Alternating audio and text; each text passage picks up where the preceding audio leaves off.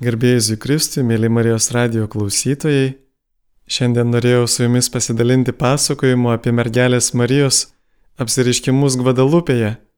Galbūt tikrai nedaugelis iš jūsų esate ten buvę kitame žemynė, Meksikoje, bet e, tikrai daugelis esate girdėję, bent jau jūs, kurios žiūrite meksikietiškus serialus, turbūt nekartą ten girdite kalbant apie Gvadalupės mergelę arba matote paveikslą Marijos. Tas paveikslas, kaip sakoma, buvo taip pat mėgstamiausias Jono Pauliaus antrojo popiežiaus Marijos paveikslas. Jisai vienintelį turėjo ant savo stalo ir tas paveikslas iš tiesų yra Dievo ženklas mūsų laikams, ypatingai mūsų mokslo laikams, nes jame yra daug mokslo nepaaiškinamų dalykų. Kuo didesnė mokslo pažanga, tuo labiau galime atrasti, kad tie dalykai yra mokslo nepaaiškinami. Tas pasakojimas prasideda panašiai tuo metu prieš mergelės Marijos apsiriškimus Šilvoje, 16 amžiuje, tuo metu buvo 1531, visai neseniai, vos beveik prieš 40 metų, Kristupas Kolumbas pasiekė Amerikos krantus. Pabandykime įsijausti tą situaciją, į tą laikmetį tarsi mes gyventume štai dabar 1531-aisiais, tai vos prieš 14 metų Martinas Liuteris būtų pradėjęs protestantų reformaciją, prieš 10 metų ispanai būtų užkariavę Actekų imperijos sostinę, tad Nočtitlaną, ant kurio grįvėsiu vėliau įkūrė Meksiko miestą. Prieš septynerius metus pirmieji 12 pranciškonų Pietų Amerikos apaštalų atvyko į naujai statomą Meksiko miestą. Tik tiesą pasakius, ta misija jiems buvo beveik visai nesėkminga, nes jų tautiečiai, ispanai, užkariautojai taip žiauriai elgėsi vienas su kitu, tuo labiau su vietiniais indienais, kad niekas nenorėjo priimti jų primestos religijos. Taip pat prieš šešerius metus nuo to laiko Kuautlataucinas, atstekų kalba tai reiškia kalbantis erelis, buvo pakrikštytas pranciškonų vienuoliu ir gavo krikščionišką Juan Diego, lietuviškai Jono Didoko vardą. Juan išvertus būtų Jonas, o Diego kilęs iš graikiško žodžio didache - mokymas, mes jį verčiame didakas. Prieš trejus metus vienuolis Juan de Zumarga atvyko į naująjį pasaulį ir tapo vietos vyskupu. Prieš dviejus metus Jono Diduko žmona Marija buvo mirusi, tais pačiais metais buvo pasikesinta ir į vyskupą. Beje, pasikesinimą įvykdė patys ispanai užkariautai. Jonui Didokui tuo metu buvo 57. Ir kaip rašome istorinėme dokumente Nikan Mopohua 1956 metais, tai yra pagrindinis šaltinis apie Gvadalupės Marijos apsireiškimus, Taigi tų 1531 gruodžio 9 šeštadienio rytą auštant Amerikos indienas Jonas Didakas keliavo pro Tepijako kalną. Išgirdęs ypač gražų paukščių čiulbėjimą ant kalno viršūnės, jis atsigrėžė į jį, iš kur buvo beauštekanti saulė. Staiga nustebusis paukščių čiulbėjimas nutilo ir Jonas išgirdo ramų įkviečiantį balsą. Jonai, brangiausias Jonai Didakai, Jis jautėsi labai laimingas girdėdamas tą balsą ir užlipo į kalną pasižiūrėti, kasgi jį kvietė. Atsigręžęs, pamatė skaiščioje šviesoje stovinčią jauną merginą, kuri pakvietė jį prieiti arčiau. Ji švietė tarsi saulė, net akmuo, ant kurio jis stovėjo, spinduliavo. Jam jį tarė vietinė atstekų, nahuatlių kalba, žinok, tikrai žinok, mano brangiausias mažiausias sunau Jonai Didakai. Aš esu visuomet mergelė Marija, vienintelio didžiojo tiesos Dievo, kuris teikia gyvybę, žmonių kurėjo, kuriam priklauso visa, kas yra aplink mus, kuris yra labai arti mūsų, dangaus ir žemės viešpaties, savininko motina. Aš labai noriu, kad jie čia pastatytų man mažą šventą namą, kuriame aš parodysiu Jėzų, išaukštinsiu jį, padarysiu jį aiškiai matomą. Aš duosiu jį žmonėms visoje mano pačios meilėje, mano užjaučiančiame žvilgsnėje mano pagalboje, mano išgelbėjime, nes aš iš tiesų esu jūsų gailestingoji motina. tavo ir visų žmonių, kurie gyvena šiame krašte, bei visų kitų skirtingos kilmės žmonių, kurie mane myli, tų, kurie šaukėsi manęs, kurie ieško manęs, kurie manimi pasitikė motina. Čia aš klausysiuosi jų verksmo, jų liūdėsio, kad pagydyčiau, nuvalyčiau ir globočiau visose jų rūpeščiuose, vargose ir kentėjimuose, kad pasiektume tai, ką žvelgdama gailestingų žvilgsnių stengiuosi padaryti. Eik į Meksiko vyskupo rezidenciją. Pasakyk jam, kad tave siunčiu, atskleisk jam, kaip labai aš trokštų, kad jis pastatytų man čia namą, įkurtų šventovę man čia lygumoje. Pasakysi jam viską, viską, ką matėjai, ko stebėjai ir ką girdėjai. Ir būk tikras, kad aš tai labai vertinsiu ir atsilyginsiu už tai, kad dėl to praturtinsiu tave ir pagerbsiu. Aišku, Marija kalba ne apie žemiškus turtus, apie Dievo malonę. Jis sako toliau, tu nusipelnysi, kad tau atlyginčiau už tavo nuovargį ir tarnystę, einant prašyti to, dėl ko tave siunčiu. Tu išgirdai mano mažiausio sūnau, mano dvasį ir mano žodį.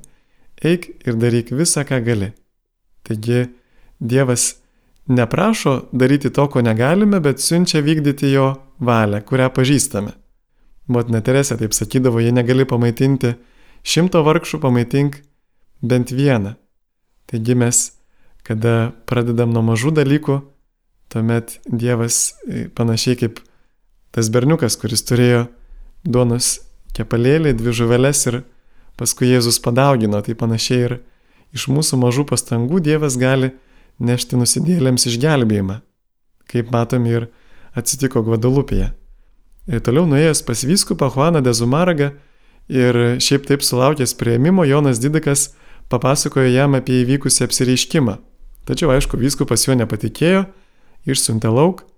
Ta pačia diena Jonas sugrįžo prie kalnų ir ten jam vėl pasirodė mergelė Marija, kurios jis prašė, sako, siūs gal ką nors kitą, nes gal ką nors kilmingesnį, gal jo paklausys vyskupas, bet Marija jam atsakė, klausyk mano mažiausio sūnau, patikėk man netrūksta nei tarnų, nei pasiuntinių, kurie galėtų įsipareigoti perduoti mano dvasę, mano žodį, kad įvykdytų mano valią. E, beje, kreipkim dėmesį, kad Marijos valia tobulai sutampa su Dievo valia.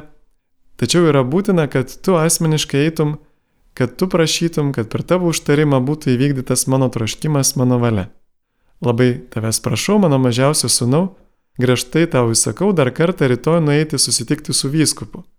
Pasakyk jam mano vardu, kad jis žinotų, kad išgirstų mano valią, mano troškimą, kad jį gyvendintų ir pastatytų čia mano šventovę, kurios jo prašau. Gerai jam iš naujo pasakyk, kokiu būdu tave siunčiu aš pati, visuomet mergelė, šventoji Marija, Dievo motina. Čia vėl tokia įdomi pamoka, kad kartais mums atrodo, kad mes per maži kažką nuveikti dėl Dievo. Bet, e, kaip matome istorijoje, Dievas kaip tik pasirenka mažiausius. Jam kliūtis nėra koks nors išsilavinimo trūkumas, gabumo trūkumas, prisiminkime Marso kleboną, kuris turėjo latinų kalbos pažymį debilisimus, bet e, didžiausia kliūtis Dievo veikimui būtent yra puikybė, o kaip tik jo galybė tobulai pasireiškia silpnume. Taigi ir mus moko Jono Didiko misija, kad net jeigu jaučiamės visai maži, Dievas būtent tada gali per mus nuveikti didelius dalykus. Taigi kitą dieną Jonas Didakas sugrįžo pas vyskupą, šis ir vėl nepatikėjo, tai yra labai toks išmintingas ir apdairus elgesys vyskupo, kad ne, nepasitikėti bet kuriuo, kuris kelbė, kad matė kažkokių vizijų, regėjimų. Vieną kartą ir mūsų e, vienas pažįstamas vyskupas yra sakęs, kad Sako, kiekvieną mėnesį pas mane ateina visokiausi regėtojai. Taigi, viskupas normaliai pasielgė, jisai paprašė, kad mergelė Marija, na, suteiktų ženklą, jeigu tai tikrai ji. Ir Jonas trečią kartą sugrįžo prie kalno, mergelė Marija jam dar kartą pasirodė ir tarė, puiku mano vaikė, tu sugrįši čia rytoj, kad galėtum nunešti vyskupui ženklą, kurio jis tavęs prašė. Įgavęs, jis tikės tavimi ir daugiau nebejos dėl viso to, ir daugiau nebeįtarinės tavęs. Tu žinai, mano sunau, kad aš atlyginsiu už tavo rūpestį darbą ir nuovargį dėl manęs. Taigi dabar reik, aš lauksiu tavęs čia rytoj. Galime pastebėti, kad tas tekstas, kurį čia cituoju iš, iš to senovinio dokumento, yra parašytas tokiu šiek tiek senoviniu, tokiu netgi poetiniu stiliumi, tai ką per apsiriškimus perdada mergelė Marija ir regėtojai mes vis tiek priimam kaip to žmogaus mintį, kurią jisai išreiškė, kaip suprato, nebūtinai žodis žodin tai, bet maždaug tokią mintį jam perdavė mergelė Marija. Kitą dieną, pirmadienį Jonas Didukas netėjo į susitikimą su mergelė, nes vienas jo dėdė sunkiai susirgo ir jis ėjo kviesti gydytoją. Visą dieną jis laukė, kadangi jo būklė buvo labai sunki, dėdė galvojo, kad artinasi mirtis, todėl ir paprašė. Net naktį prašė Joną suieškoti kunigą, kad galėtų atlikti paskutinį išpažinti, pasiruošti mirčiai. E, čia vėlgi mums pamoka, kad kaip atsakingai žmonės priima tą iškeliavimą ir sakramentų vertę, kaip jie vertina sakramentus.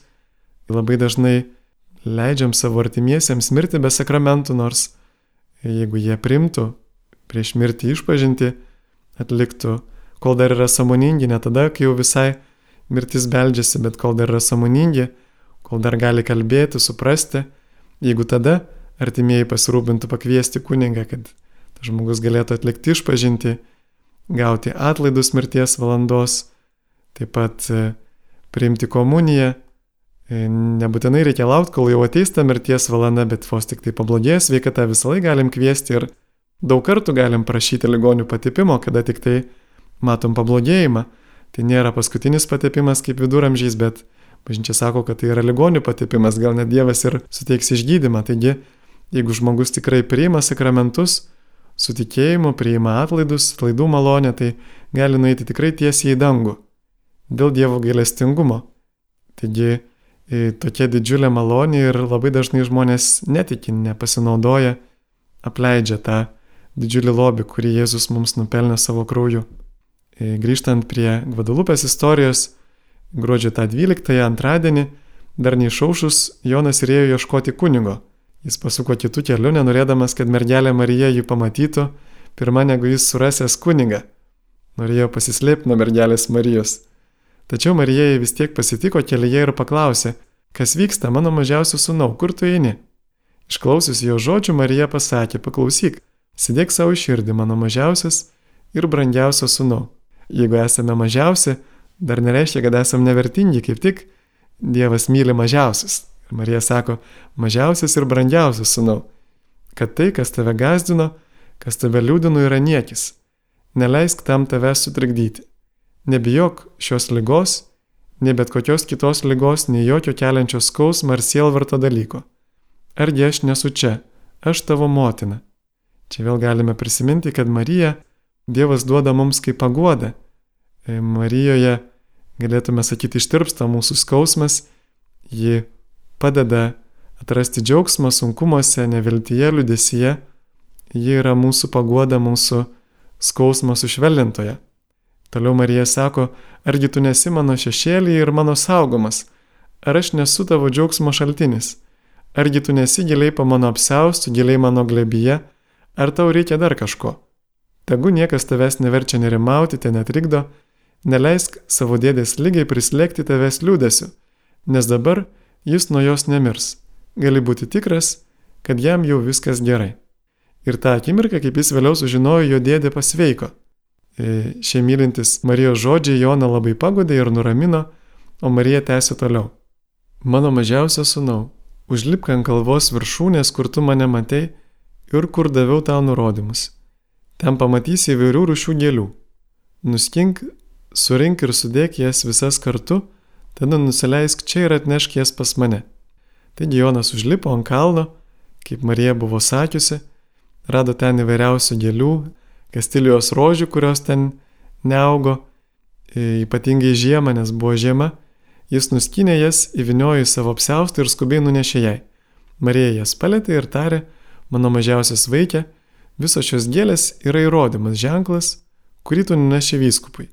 Taigi ženklas yra tame, kad tos rožės ten neauga tokiu metų laiku. Pasakysi jam nuo manęs, kad jis matytų juose mano troškimą ir per tai vykdytų mano norą, mano valią. Vėl prisiminkime, kad Marijos noras yra koplytėlė. Ir ta koplytėlė yra ne tam, kad Marija garbintų, bet tam, kad Jėzus būtų garbinamas. Prisiminkime ir, ką jis sakė Šiluvoje, silvartaudama dėl sugriautos šventovės, čia buvo garbinamas mano sunus, dabar čia ariama ir siejama. Taigi, jinai sako Marija toliau, kad labai pasitikė Jonu ir jam įsako, vėlgi jinai yra ne tik motina, bet ir karalienė, net visatos karalienė, kaip skelbia bažnyčia, kad akivaizdoje vyskupo atvertum savo apseustą, parodytum tai, ką neši. Tu jam tiksliai papasakosi, ką aš tau sakiau, užlipti į kalvos viršūnę, nuskinti gėlės ir visą, ką matei ir stebėjusi.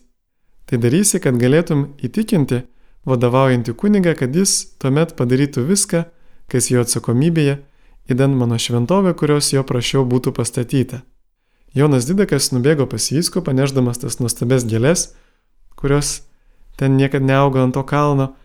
Po labai ilgo laukimo vyskupo pagalbininkai ėmė smalsauti, jiems pavyko pamatyti rožės, tačiau negalėjo jų ištraukti, nes mergelė Marija liepė jam saugoti paslapti, niekam neatskleisti vien tik tai vyskupui. Tai čia yra būdinga mergelės Marijos apsiriškimams, jinai dažnai perdoda kokią nors paslapti, kad to žmogaus ištikimybė tai paslapčiai kartu irgi būtų tikrumo ženklas. Pagaliau primtas pas vyskupą Jonas Didakas papasakojo apie savo pokalbį su Marija, atvėrė apseustą, kad parodytų gėlės ir tą akimirką ant apseusto medžiagos atsirado mergelės Marijos paveikslas.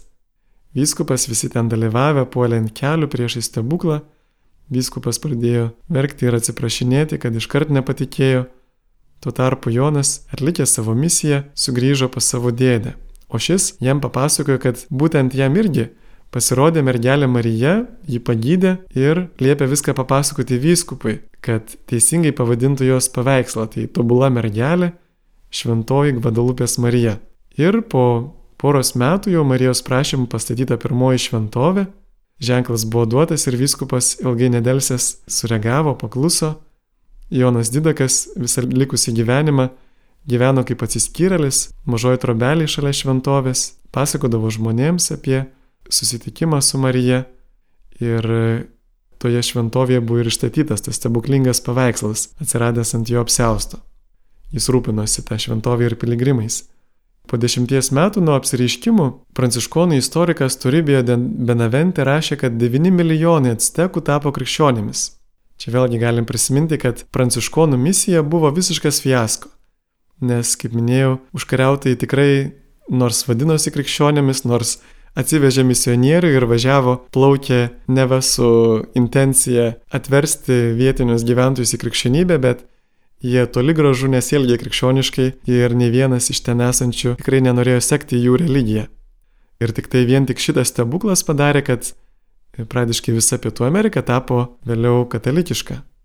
Ir šiandien yra išlikusi stipriai katalikiška, nors turim pripažinti, kad stiektas tikėjimas gerokai sumišęs su vietiniais kultais ir su įvairiais prietarais, magija, bet aišku, čia jau ne, ne mergelės Marijos, bet žmonių silpnumas. Galėtume klausti, kodėl mergelė Marija pasivadino Gvadalupės mergelė. Visų pirma, tai Gvadalupė yra ispaniškas vardas ir kai kurie istorikai kalba, kad tas apsireiškimas buvo skirtas ne tik vietiniams indienams, bet nemažiau jo reikėjo ir vietiniams, na jau naujų kariams ispanams, kurie tikrai buvo praradę tikėjimą Dievu, kurie elgėsi bedieviškai, net ir Marijos veido bruožai buvo maišytos rasės. Dar tuo metu dar net nebuvo gimusi, na, buvo pradėjusi jau atsirasti ta, ta maišyta rasė, bet iš esmės tai buvo pranašystė apie ateitį, kad e, ispanai, užkariautojai, naujakuriai ir vietinės moteris, kad vietiniai žmonės, kad jie sukurs naują rasę, e, sukurs bendrą tautą, bendrą valstybę ir e, kad galės kartu sugyventi. Mergelė Marija yra visų motina ir ispanų, kurie elgesi kaip užkariautojai ir vietinių indienų.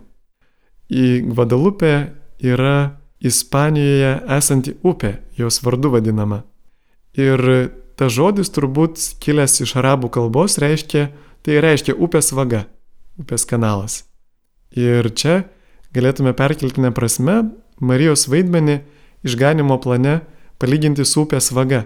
Ji nukreipia gyvą į vandenį, Dievo malonę žmonių link, o žmonės atveda pas savo sūnų gyvojo vandens šaltinį. Ir tai beje ir oficialus Gvadalupės vardo aiškinimas. Su ta upe ir tuo miesteliu Ispanijoje susijęs XIV amžiaus Marijos apsireiškimas. Ten buvo rasta tokia užkasta Marijos statulėlė irgi turėjusi labai ilgą istoriją. Yra įvykęs stebuklų toje vietoje, taigi Marija buvo jau žinoma tenais toje vietoje Ispanijoje kaip Gvadalupės Dievo motina iš Ekstremadūros. Jeigu pažvelgtume į kitus apsireiškimus, pavyzdžiui, Lurde Fatimoje Marija buvo pavadinta tos vietovės vardu. Sakom, Lurdo mergelė Marija, Fatimos Marija. O čia įdomu galėtume klausti, kodėl jinai norėjo būti vadinama ispanišku vardu.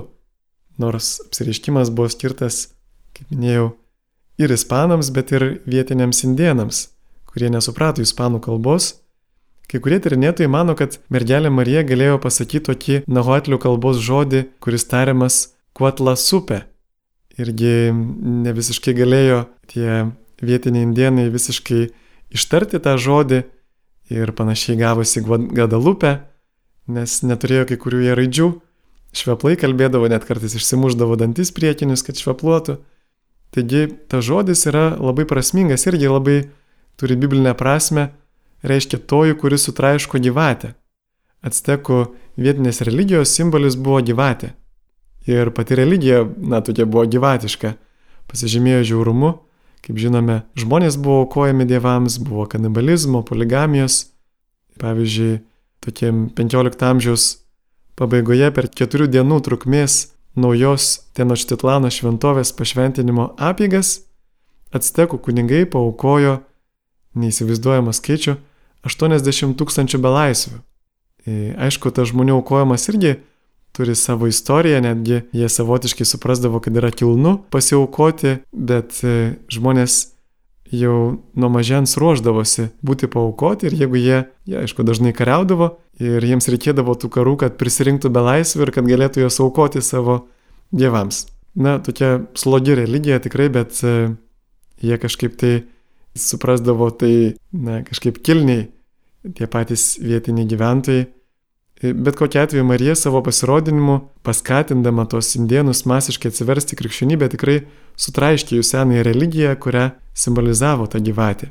Gvadalupės paveikslė Marija yra vaizduojama būtent, na, tokia kaip parašyta Biblijos apriškimo knygos 12 skyriuje. Tas moters ženklas - moteris apsisiautusi saulė, kuri kovoja prieš Libiną senąją gyvatę kurią persiekė Slibinas ir jos palikonis, kurie laikosi Dievo įsakymų, saugo Jėzaus liudijimą. Ir čia turbūt neatsitiktinai Jonas vadina Mariją moterimi ir viso Jono Evangelijoje Marija vadinama moterimi.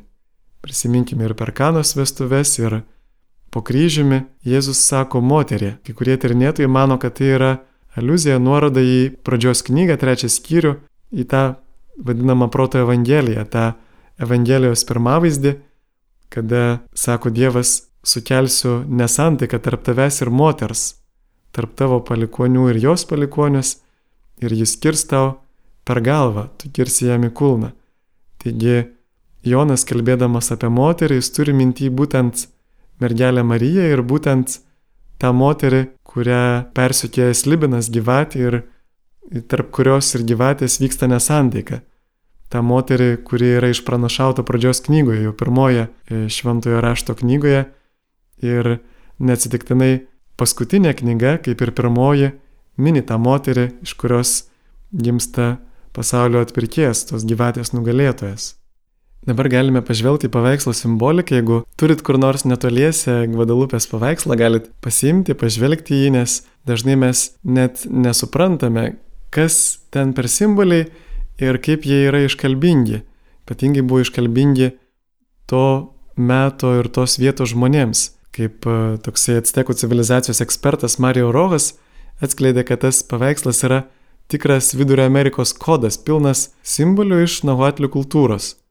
Pavyzdžiui, akis žvelgia žemyn. Tai rodo, kad Marija yra nuolanki ir kad ji nėra dievas. Visi indienų dievai žiūrėdavo ne žemyn, o tik tiesiai.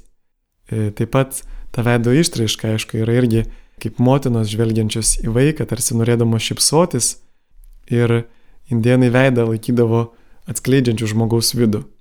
Taip pat veidas, kaip ir minėjau, plaukai yra indieniškų veido bruožų, e, tamsios spalvos ir būdingų tiems būtent maišytos rasės žmonėms, tiems, kurie yra jau gimę po užkariavimų iš tų ispanų ir vietinių mišrių šeimų. Tiesus plaukai yra indienams ženklas, kad Marija yra skaisti mergelė, nes ištekėjusių moterų plaukai supinti būdavo. Rankos sudėtos maldai reiškia, kad Marija nuneša Dievui savo vaikų prašymus, troškimus. Indienai melsdavosi visų kūnų, ne tik tai nesėdėdavo atsisėdę, bet net šokdavo. Ir Marijos surinktas kelias, kai kurie sako, kad tai simbolizuoja maldą šokyje. Ir rankos sudėto širdies plotė reiškia, kad Marija meldžiasi širdimi, aukoja Dievui. Apsiaustos spalva yra melinai žalia, turkio, arba tokia žalsva nefrito spalva. Tas akmuo buvo laikomas tuo metu vertingesnių už auksą, todėl šios spalvos buvo rezervuotas tik dievams ir karaliams. Taigi Marija turi kažką bendro, kažką artimo su Dievu ir ji yra karalienė. Tas spalva aišku simbolizuoja ir dangų. Žvaigždės simbolizavo naujos eros pradžią. Jie laukė, kad buvo, bus nauja civilizacija.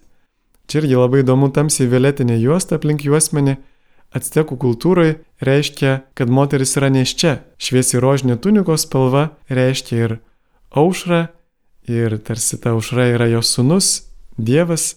Toliau yra jos aukso apsupta sadė su kryželiu, šventumo simbolis, angelas, apačioje su arelio sparnais yra beje laikomas kūriniu galinčiu labiausiai priartėti prie dievų, tarpininkų. Jis taip pat vėl suprantamas indienų kultūrai kaip atnešantis naują erą.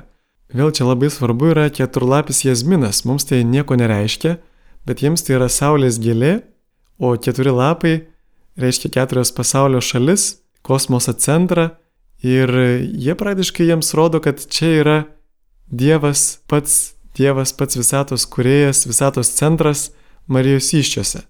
Jiems čia buvo pats svarbiausias dalykas, tarsi Marija sakytų, aš nešu Dievą vaikelį. Na dar yra tokios devynios gėlės ant Marijos tunikos, jos e, irgi turi simbolį, vietiniai žmonės tiesą vadindavo florikanto, tai reiškia giesmė ir gėlė. Ir gėlės simbolizuoja tiesą, kylančią iš dangaus. Aplink mergelę Mariją pavaizduotas debesis ir rūkas reiškia, kad ji ne iš šio pasaulio, kad ji ateina nuo Dievo. Saulės spinduliai reiškia, kad ji yra apsisiautusi saulė, kad e, galingesnė, tiksliau sakant, ne ji, bet tas, kuris yra joje, yra galingesnis už saulę, už menulį, už saulės ir menulio dievus, e, kaip suprato vietiniai gyventojai. E, dar čia yra labai įdomi stigmena, pats žodis Meksiko reiškia menulio centre, menulio bamboje. Ir Marija kaip tik stovi ant menulio centro. Apsiriškimų laiko simbolika irgi yra labai svarbi, nes apsiriškimai vyko būtent žiemos saulėgrįžos metu. Indienai šventė pačią svarbiausią savo kalendorinę šventę - Saulės atgimimą. Vėl koks yra didžiulis sutapimas, aišku, neatsitiktinai Dievas specialiai pasirenka tuos simbolius, tuos laikus, prisitaiko prie žmonių kalbėjimo būdo. Ta Saulė, tikroji Saulė ir yra Jėzus Kristus, kuris gimsta iš mergelės Marijos. Tais metais beje vyko ir įvairūs žemės drebėjimai, saulės užtemimas, pasirodė kometa, kuri irgi pagal indienus reiškia senosios civilizacijos žlugimą. Taigi tie reiškiniai skatino indienus tikėti, kad artinasi pasaulio pabaiga. Galiausiai buvo suprasta, kad va tai naujos krikščioniškos eros pradžia. Čia galėtum irgi atrasti paralelį su trimis išminčiais. Jie irgi savo būdu žvaigždėse perskaitė apie Jėzaus gimimą Štai tokiu būdu Jėzus, e, Dievas visą laiką prisitaiko prie skirtingų kultūrų, ne tam, kad jų prietarus kokius nors patvirtintų, bet tam, kad vestų žmonės iš ten, kur jie yra, nuo ten, kur jie yra, link savęs, link išgelbėjimo. Labai įdomus yra moksliniai tyrimai šio paveikslo, kaip jau minėjau. Visų pirma, tai kad paveikslas išsilaikė beveik pusę tūkstantmečio. Yra mokslo nepaaiškinamas faktas, aišku, yra įvairių spekulacijų, vieni sako, štai jisai galbūt buvo padarytas iš kokių nors ten, pavyzdžiui, kanapės, siūlų ar, ar dar kokių nors, bet e, buvo atlikti tyrimai ir buvo nustatyta, kad tai yra agavos siūlai ir su panašiais audiniais buvo irgi padaryti tyrimai, jie e, buvo laikomi tokioje pat druskingoje ir dregnoje aplinkoje kaip bazilikoje, ten labai nepalanki aplinka išsaugoti kokiam nors meno kūriniu ar paveikslui. Ir tie visi audiniai neišsilaikydavo ilgiau kaip 10 metų. O čia mes turime beveik jau 490-500 metų. Taigi tas panašus paveikslas jau buvo po 8 metų išmestas, nes jos spalvos visiškai užbluko, siūlai sutrikinėjo, o Jono Didoko tilma jinai nebuvo niekuo apsaugota 116 metų. Išbuvo prie žvakių, prie spindulių ir jai nieko neatsitiko.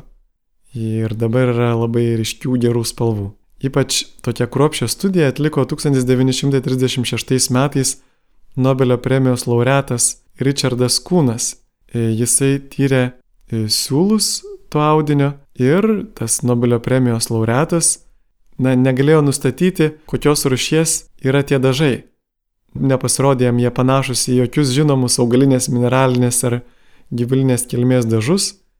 Taip pat nesugebėjo paaiškinti, kodėl tie dažai taip ilgai išsilaikė ir natūralūs tokie liko. 1946 metais tyrimo atlikto metu paaiškėjo, kad būtent iš minėjų šagavų siūlų nuausta e, ta Jono Didoko tilma.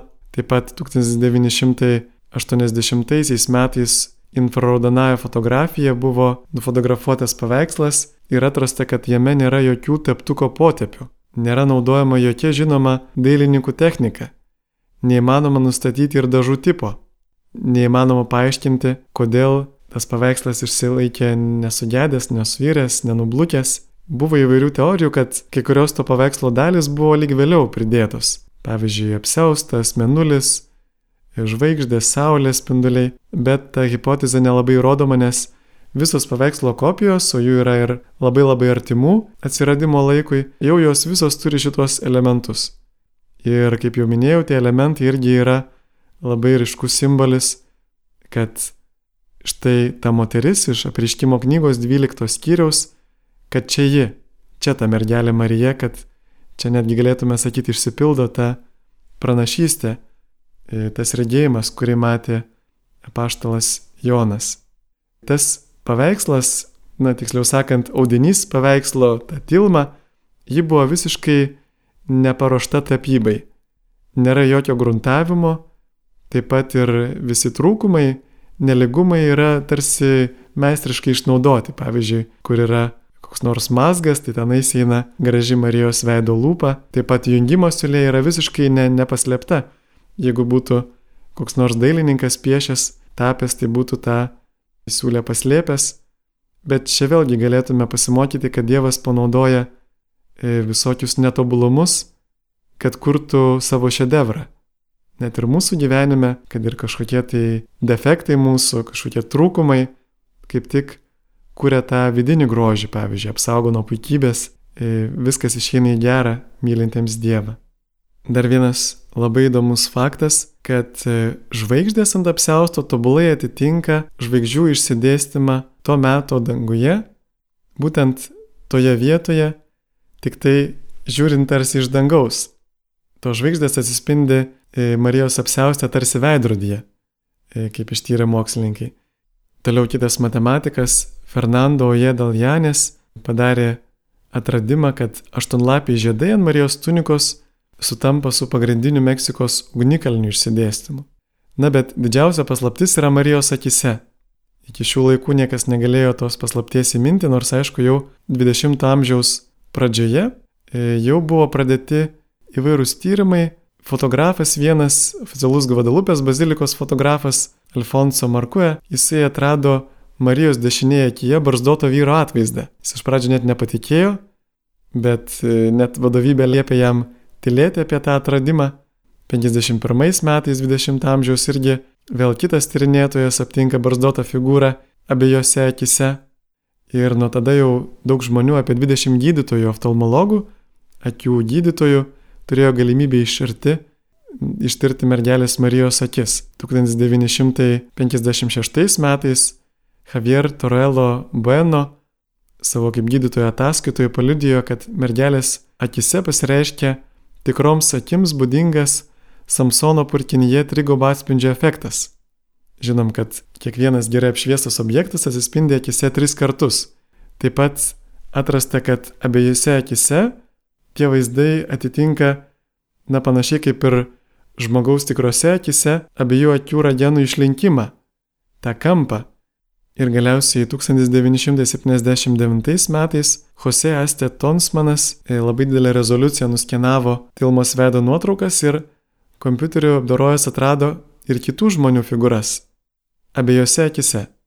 Iš viso 13 asmenų figūrų manoma, kad būtent užfiksuota ta scena, kada Jonas Didakas atskleidžia vyskupui apseustą su rožėmis ir ant to apseusto dar nėra atsiradęs paveikslas, bet matomi visi tie personažai. Dar įdomiau, kad e, matomas netgi ir mikroskopinis kraujagyslių tinklas, e, ragena matoma, na joks dailininkas negalėtų to nupiešti matoma tarp įvairių figūrų net ir šeima. Tas mokslininkas sako, galbūt tai yra ženklas būtent šiems laikams, kada šeima yra puolama įvairių tokių marksistinių, komunistinių ideologijų, tuomet mergelė Marija siekia padėti mums išsaugoti šeimą, išsaugoti gyvybę.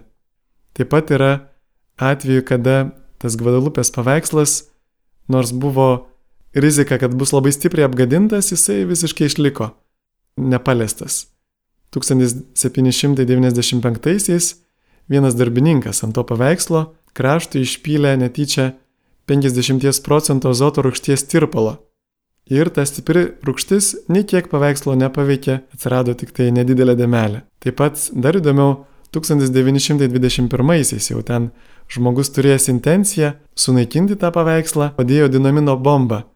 Prie pats paveikslo tarsi gėlės dėdamas ir kai ta bomba sprogo, sudužo 150 m atstumu spinduliu visi langai, e, marmurinės grindis, buvo labai stipriai sulenktas visai šalia buvęs didžiulis masyvus metalinis krucifiksas ir vienintelis visoje bazilikoje nenukentėjęs objektas buvo būtent tas mergelės Marijos paveikslas, net jį dengiantis stiklas išliko visiškai nepaliestas. Na aišku, turėtume būti atsargus, yra ir įvairių mitų apie tą paveikslą. Na pavyzdžiui, nevasakoma, kad štai vienas gynekologas pridėjo stetoskopą ir išgirdo 115 tvinksnių per minutę širdies plakimą, kokį turi kūdikėliai. Tai visgi oficiali Gvadalupės šventovė praneša, kad tokio tyrimo nebuvo atlikta. Taip pat yra toks mitas, kad neva paveikslas yra tarsi per milimetrą virš, virš drobės, bet tai, tai nėra, nėra tiesa. Toks tyrimas nebuvo atliktas, kartais dažnai net persisunkia tilma. Taip pat e, e, buvo toks mitas irgi paskleistas, kad tilmai išlaiko nuolatinę 36,6 laipsnių temperatūrą tarsi gyvo žmogaus, bet irgi tai netiesa. Yra taip pat įdomu, kad e, Gvadalupės ta visa apsireiškimų istorija sulaukė labai labai daug kritikos irgi būtent iš kai kurių dvasininkų, jie laikė tai irgi prasimanimu. Pavyzdžiui, toksai Gvadalupės buvęs bazilikos abatas Viljames Šulenburgas, jisai pavadino Joną Dideką mitiniu personažu. Netikėjo, kad ta tilma yra atsiradusi stebuklingai. E, Vatikane tuomet sudaryta 30 mokslininkų iš įvairių šalių komisija ir ta komisija tyrė ir tikrai patvirtino, kad Jonas Didekas tikrai buvo istorinė asmenybė. Jie e, naudojo šaltinius ir netgi tarp jų buvo 27 senovės indėnų dokumentai. Viename iš jų, tokiam eskalados kodekse, kuris beje rastas visai neseniai, tik tai 1995-aisiais yra pateiktas Jono Didako gimtasis vardas ir mirties liudijimas. Taigi yra įrodomas jo istoriškumas. Pagrindinis turbūt mūsų šaltinis, iš kurio pradžioje ir daug citavau, tai buvo Antonijo Valeriano parašytas Nikan Mapoho, tai reiškia čia pasakojama.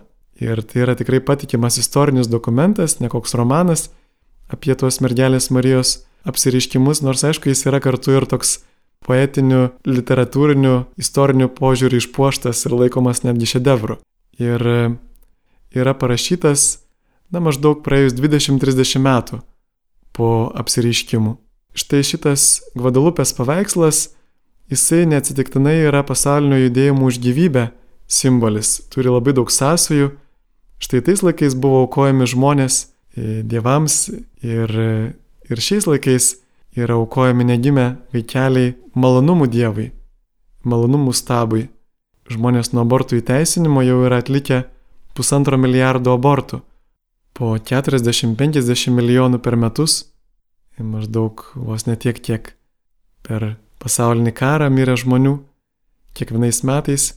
Taip pat ta actekų teologija jinai buvo tokia nevilties teologija, jie taip tikėjo, kad e, tuometinis pasaulis buvo sukurtas plunksnuotosios gyvatės, kuri buvo bloga ir ankstesnius pasaulius dievai sunaikino. Tas pasaulis jau buvo penktasis anot jų, o dievai tuos pasaulius sunaikino paversdami žmonės beždžionėmis arba šunimis.